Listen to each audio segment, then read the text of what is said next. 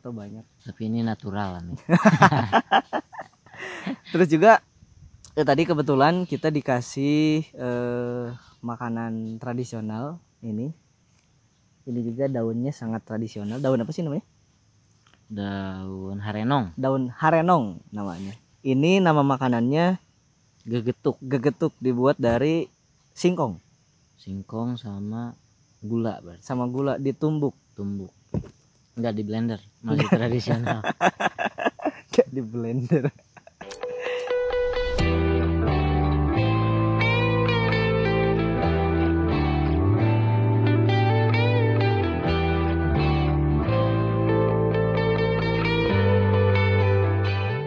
Selain menyoal wisata yang memang basicnya adalah edukasi tadi saya kan sering lihat juga nih kayak eh, apa namanya di pinggir jalan nanam eh, pohon eh bukan pohon. Sayur. Sayur segala macam. Nah itu kalau itu itu tujuannya apa tuh? ya tadi sebetulnya dengan dasar kita nggak punya lahan.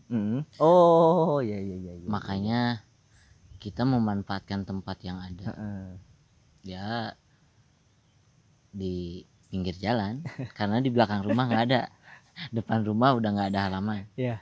Di pinggir jalan masih ada kalau eh, istilah kasarnya mungkin trotoar jalan ya Heeh. karena memang mobil pun nggak terlalu melintas banyak artinya nggak cukup meng- nggak mengganggu Hmm. terlalu merepotkan para pengendara juga Ya. tapi malah menambah estetika Mm-mm.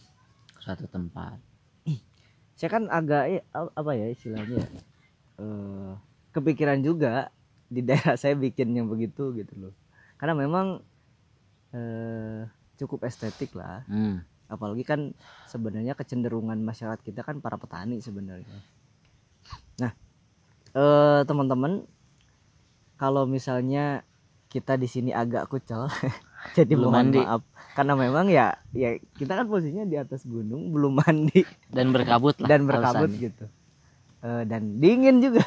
Jadi ya ya beginilah adanya. Ya mohon maaf kalau memang agak kucel begini sedikit atau banyak. Tapi ini natural nih terus juga eh, tadi kebetulan kita dikasih eh, makanan tradisional ini. Ini juga daunnya sangat tradisional. Daun apa sih namanya? Daun harenong. Daun harenong namanya. Ini nama makanannya gegetuk. gegetuk dibuat dari singkong. Singkong sama gula berarti. Sama gula ditumbuk tumbuk. Enggak di blender masih tradisional. Kayak di blender. Jadi bagi teman-teman eh, tadi kembali yang memang apa ya? Oke misalnya kita punya kepedulian ya minimal kita sharing aja datang ke sini atau misal datang ke rumah saya atau datang juga ke rumah Andika kita ngobrol ya barangkali kita punya konsep yang sama. Ya barangkali punya relasi dan semacamnya. Kita ya minimal kita ngobrol lah. Itu menyoal ini. Dan ini kan planningnya lama juga. Sama nggak terburu-buru. Dan maksudnya kalaupun bentuk donasi meskipun nggak dipatok harus kerja dan uang sharing pun nggak jadi masalah ya? Betul. Kita akan banyak gambaran. Ya. ternyata harus begini nih ke arah sini. Bener-bener. Karena kalau misalnya kayak kerja misalnya saya datang ke sini disuruh nyangkul nggak bisa juga. Cukup memalukan. Cukup memalukan. Oke, padahal ya ya kita kan banyak petani gitu. Nah kita agak sedikit loncat. Tadi kita selesai menyoal katakanlah eh, wacana terkait eh, ekowisata. Hmm, ini kan Andika juga kan sebenarnya di samping tadi dibilang dia semacam mungkin bisa dibilang pegiat lingkungan sosial eh, kepemudaan. Kemudian juga nanti ada Amil juga. Nah dia juga kan ngajar. Eh, ngajar sekarang di apa? Di madrasah? Madrasah. Bagi yang nggak tahu madrasah itu apa? Madrasah itu kalau di Jakarta mungkin jarang ya. Hmm, nggak ada mungkin. Iya nggak ada. Tapi kalau di sini madrasah madrasah diniyah ya? diniyah berarti sejenis apa ya? Bukan sejenis maksudnya. Seekor. Bukan apa ya? Ya Se- kayak untuk TK SD lah oh kayak maksudnya. oh iya kayak- bener-bener kayak SD kayak SD tapi sekolahnya sore biasanya. Sore dan eh, lebih spesifik ke ranah agama yang Ranah agama. Hampir mungkin irisannya sama MI gak sih? Ya sama. Hmm, cuman Sama. dia basicnya pagi kan kalau MI pagi. Sekarang pegang berapa kelas? Apa semua Eh, kelas? sekarang pegangnya satu kelas. Satu kelas. Karena memang ada pembagian. Hmm. kemarin sempet eh, kelas online itu kan Mm-mm. repot untuk pegang satu orang itu berapa kelas Hmm. dengan satu pelajaran. Makanya dirubah nih. Hmm. sekarang jadi wali kelas aja itu untuk Oh, saya iya, jadi iya, wali iya, kelas iya, 5 dan yang lain sesuai porsi aja sih. Hmm. berarti ada enam kelas? 6 kelas. Nah sejauh ini kan eh, meskipun belakangan diwacanakan kembali untuk eh, sekolah tatap muka tapi kan sekarang masih online. Online. Masih online. Dan sekarang libur. Dan sekarang libur. Kalau gak libur ya kita gak akan di sini. nah eh tapi sedikit informasi di sini itu ada sinyal. Hmm, di sini ada sinyal. Jadi kalau sekolah online kita bisa mantau. Masih bisa mantap masih bisa mantau. Nah eh, terkait fenomena sekolah ataupun pembelajaran online ini khususnya di madrasah itu bagaimana? Pembelajarannya menggunakan aplikasi apa? Cara belajarnya bagaimana? Sebetulnya untuk sampai karena madrasah memang artinya sekolah swasta ya. Mm-mm. Tidak ada sampai ke menggunakan aplikasi apa pun. Mm-mm. kita murni cuma bikin grup aja. Grup WhatsApp? Grup WhatsApp Oh. per kelas. Ekonomi sekali. Grup WhatsApp per kelas. Saya pegang kelas 5 Hmm. wali kelasnya. Berarti satu grup. Kalau dulu sebelum ngerasa kerepotan memang Mm-mm. hampir sat- satu orang itu satu guru ya pegang tujuh grup.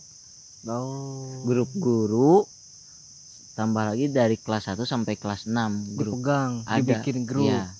terus kalau HP-nya yang nggak support gimana? Kalau HP yang nggak support ya mohon bersabar aja ngeheng. Ngeheng paling karena memang setelah pengerjaan tugas misalkan Mm-mm. sekarang harus kirim foto nih. Mm-mm. satu kelas dihuni 40 orang. Mm-mm. kali 6 kelas. 4 kali 6 udah berapa foto masuk dalam sehari? Per hari? Per hari cukup kerepotan sih dengan belajar online kayak kemarin dan nggak ada solusi yang Hmm.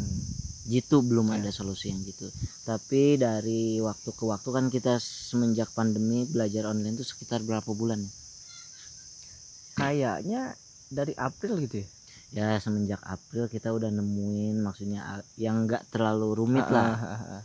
udah lumayan Ya. maksudnya belajar online ya mungkin bisa dibilang makin ke sini makin adaptasi ya. Terus kan kalau nggak salah kayak ada kalau misalnya tugas video misalnya Hmm. segala macam itu kan lebih berat HP-nya dong kalau gitu eh, lebih berat HP-nya memang tapi yang paling inti sebetulnya bukan berat HP hmm. ketika kelas online itu materi itu nggak terlalu tersampaikan ke pak ke murid-murid ke anak didik karena misalkan saya pegang 40 siswa Hmm. harus dengar hafalan mereka lewat voice note. Lewat voice note. Satu voice note eh, diperkirakan misalnya satu menit. Hmm. habis kalau dengerin iya, voice note aja 40 menit kalau harus semua. Itu eh, bagi apa ya teman-teman di luar sana mungkin sangat bisa membayangkan kerepotannya Hmm. bagaimana kan? Kalau misalnya apa ya eh, pernah gak sih kayak semacam nempuh cara lain misalnya? Ya, saya kan sempat ngedenger tuh ya ada pembelajaran yang buat kelompok yang begitu begitu supaya tidak terlalu berkerumun begitu. Sempat dilakukan apa enggak sempat di eh, dilakukan. Jadi kita cari ruangan kayak masjid. Hmm. dibagi eh, per kelompok. Nah, cuman ya pada akhirnya memang itu hanya jadi bentuk ikhtiar lah. Ya. untuk menyampaikan materi meskipun pada akhirnya ya sama nggak eh, efektif juga. Hmm. yang paling efektif ya kembali lagi ke WhatsApp. Eh, tatap muka. ke masa sebelum pandemi. Oh tatap muka. Tatap muka. Artinya dengan kelas online pertemuan secara kelompok menguras menguras waktu guru juga dan Hmm. murid juga Iya iya benar-benar saya sempat ngedengar juga sih keluh Hmm. kesah guru-guru gitu. Eh spesifik keluh kesah dari guru apa tuh bahasanya muncul? kalau keluh kesah dari Hmm. guru tadi pertama materi yang harus disampaikan misalkan dalam satu bulan itu selesai satu Hmm. bab kita harus siap karena pandemi ini mungkin sekitar dua bulan baru tersampaikan Oh iya iya iya. Artinya Rentan kan kita lama. keluar dari target Mm-mm. dari targetan yang harusnya tersampaikan ya tertunda karena Hmm. memang keadaannya seperti itu kadang-kadang seminggu kan masuk seminggu Hmm. enggak sebetulnya kan wali murid entah guru sendiri ya maunya masuk setiap hari Ya. cuman karena peraturan yang ada ya kita gimana pun harus ngalah tapi yang paling disayangkan ketika ada peraturan seperti itu entah online belajar online atau eh, apa tadi masuk sekarang dan besok libur Mm. tidak ada solusi Oh di di zigzag sempat di Hmm. zigzag. tidak ada solusi sebetulnya dari pemerintah ketika ada peraturan seperti itu Hmm. ya kita siap sih dengan peraturan apa pun asal disusul dengan Ya ya ya ya. Infrastrukturnya seperti apa nih? Nah, Gitu. ya. Teknisnya seperti apa segala macam. Atau kita sebelum pandemi pun sudah repot Ya. sekelas dengan eh, jumlah siswa 40 orang eh, luas ruangan Hmm. segitu artinya ruangan aja nggak efektif Ya. ditambah dengan pandemi Ya apa ya? Ya bisa dibilang ya eh, infrastruktur seadanya. ya Kemudian juga ya kalau misalnya teman-teman cukup mengetahui ya madrasah itu memang mungkin bisa dibilang tidak terperhatikan layaknya SD ya sebenarnya. tidak sih nggak paling kurang lah Agak ya, agak Agak. terperhatikan. Hmm. Ya bisa dibilang begitulah madrasah keadaannya. Dan itu hampir mungkin hampir semua begitu kondisi. hampir semua Se- madrasah yang saya ngajar di situ sebetulnya bukan madrasah unggulan Hmm. tapi ibaratnya paling mending Hmm, hmm, hmm, jika dibandingkan dengan madrasah-madrasah lain mungkin akan lebih rumit lagi dari sisi fasilitas infrastruktur saya lumayan baik sebenarnya ya. sebetulnya kalau kita cari lagi ke tempat-tempat lain yang mungkin lebih pelosok ya lebih miris dari kita Oke. artinya saya pun nggak ngerasa paling miris sih Hmm. madrasah saya karena paling masih banyak lah madrasah-madrasah lain yang berada di pelosok Ya. dan lebih tidak diperhatikan kurang lah lebih Ya. kurang Bisa dibilang mungkin ya, bisa jadi eh, keluhan-keluhan ini memang terjadi juga ke hmm. guru-guru lain, Iya. ke sekolah-sekolah lain begitu. Eh, bahkan saya di tataran apa ya, ya di kampung halaman begitu, sering kayak dapat aduan dari ibu-ibu gitu, dari RT RT gitu, Kang, kayak bahasanya, kumaha teh, geningan asal online wae, ya saya bilang kan Hmm. ya kita kan di bawah pelaksana aja tetap kebijakan ada di tingkat kementerian ya mau bagaimana lagi begitu cuman kalau mungkin misalkan kalau Hmm. sekarang tadi yang ngeluh ke Hamid Hmm. eh, wali murid deh hmm, ngeluh sebegitunya dengan dari se- semenjak bulan April pandemi Hmm. ngelu- dengan keluhan yang begitu ya kalau guru bagi saya lebih dari itu ya benar-benar saya setuju sih eh apa ya justru yang saya lihat hadirnya pandemi ini Hmm, jadi semacam refleksi juga gitu loh buat para orang tua. Bagaimana orang tua ini kerepotan sekali eh, nge-treatment anaknya di Iya. rumah. Ngajarin betul karena memang posisi guru ya gak ada di situ. iya Dia bener-bener orang tua ini jadi guru di rumah. Bahkan di dalam beberapa momentum di apa orang tua sendiri yang bikin tugas gitu segala macam. Saya sering kali tuh lihat apa ibu-ibu tiap pagi kan ada jam tertentu gitu buat apa buat apa segala macam ngomel ngomel riweh bukan nama riweh lah hmm, ngelihatnya teh wah bukan nama Cen.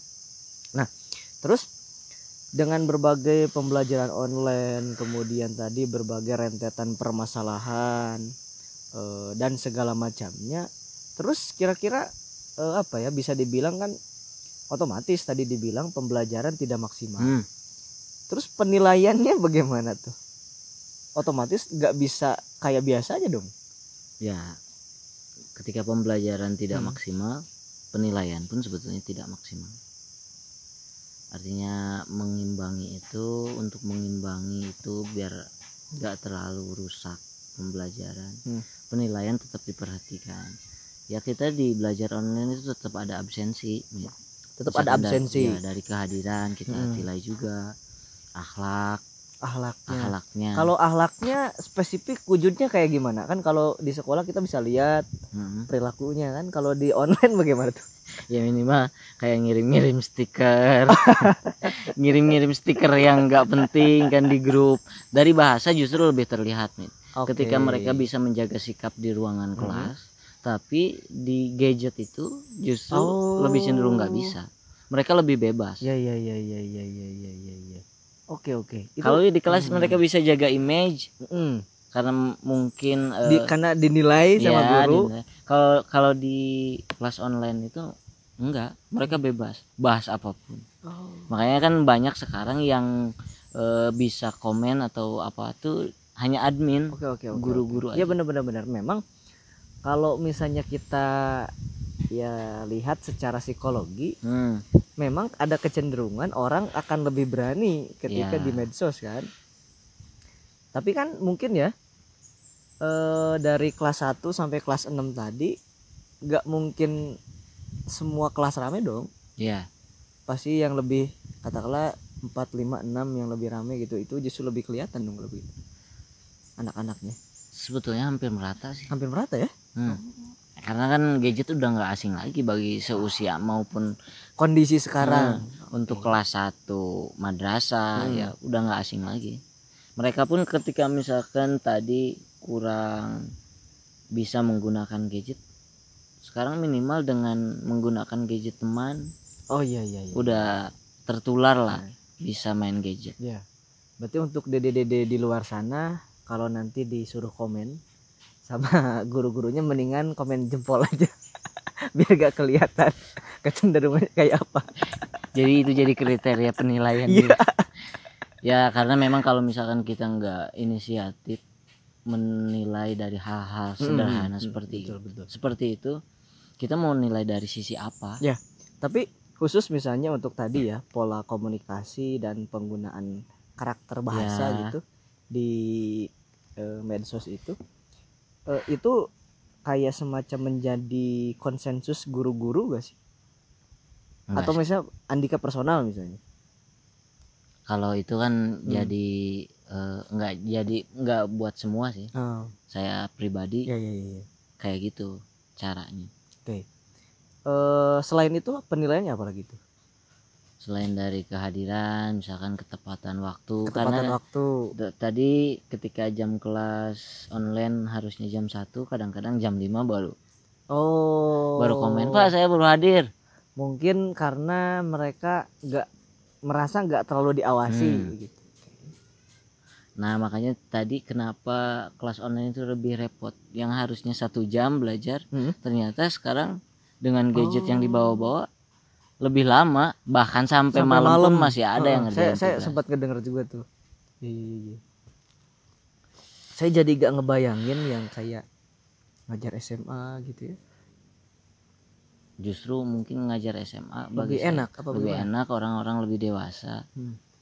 kalau anak kan kita di satu sisi nggak bisa nekenin terlalu jauh gitu Hmm. ya. Te- mereka tetap harus dikasih ruang kebebasan Oke. yang eh, artinya bebas nggak terlalu. Hmm, tapi ya tetap harus disiplin. Oke. Jujur ya saya nggak apa ya nggak bisa ngebayangin kalau saya ada di posisi itu. Tapi saya bukan sekedar ngebayangin aja. Udah ngalamin. Nah itu maksudnya. Aduh nggak bener-bener nggak bisa ngebayangin gitu. Ngajar anak-anak dede gitu. Tapi ya kita bisa ambil hikmahnya semuanya. Bukan eh, untuk khusus para guru ya Hmm. sekarang kan akhirnya para wali murid Mm-mm. mungkin sedikit ngerasa tadi terrefleksi oleh Iya. keadaan dipaksa dipaksa karena memang kita tabiatnya gitu harus dipaksa harus dulu. dipaksa dulu. untuk sekedar refleksi dipaksa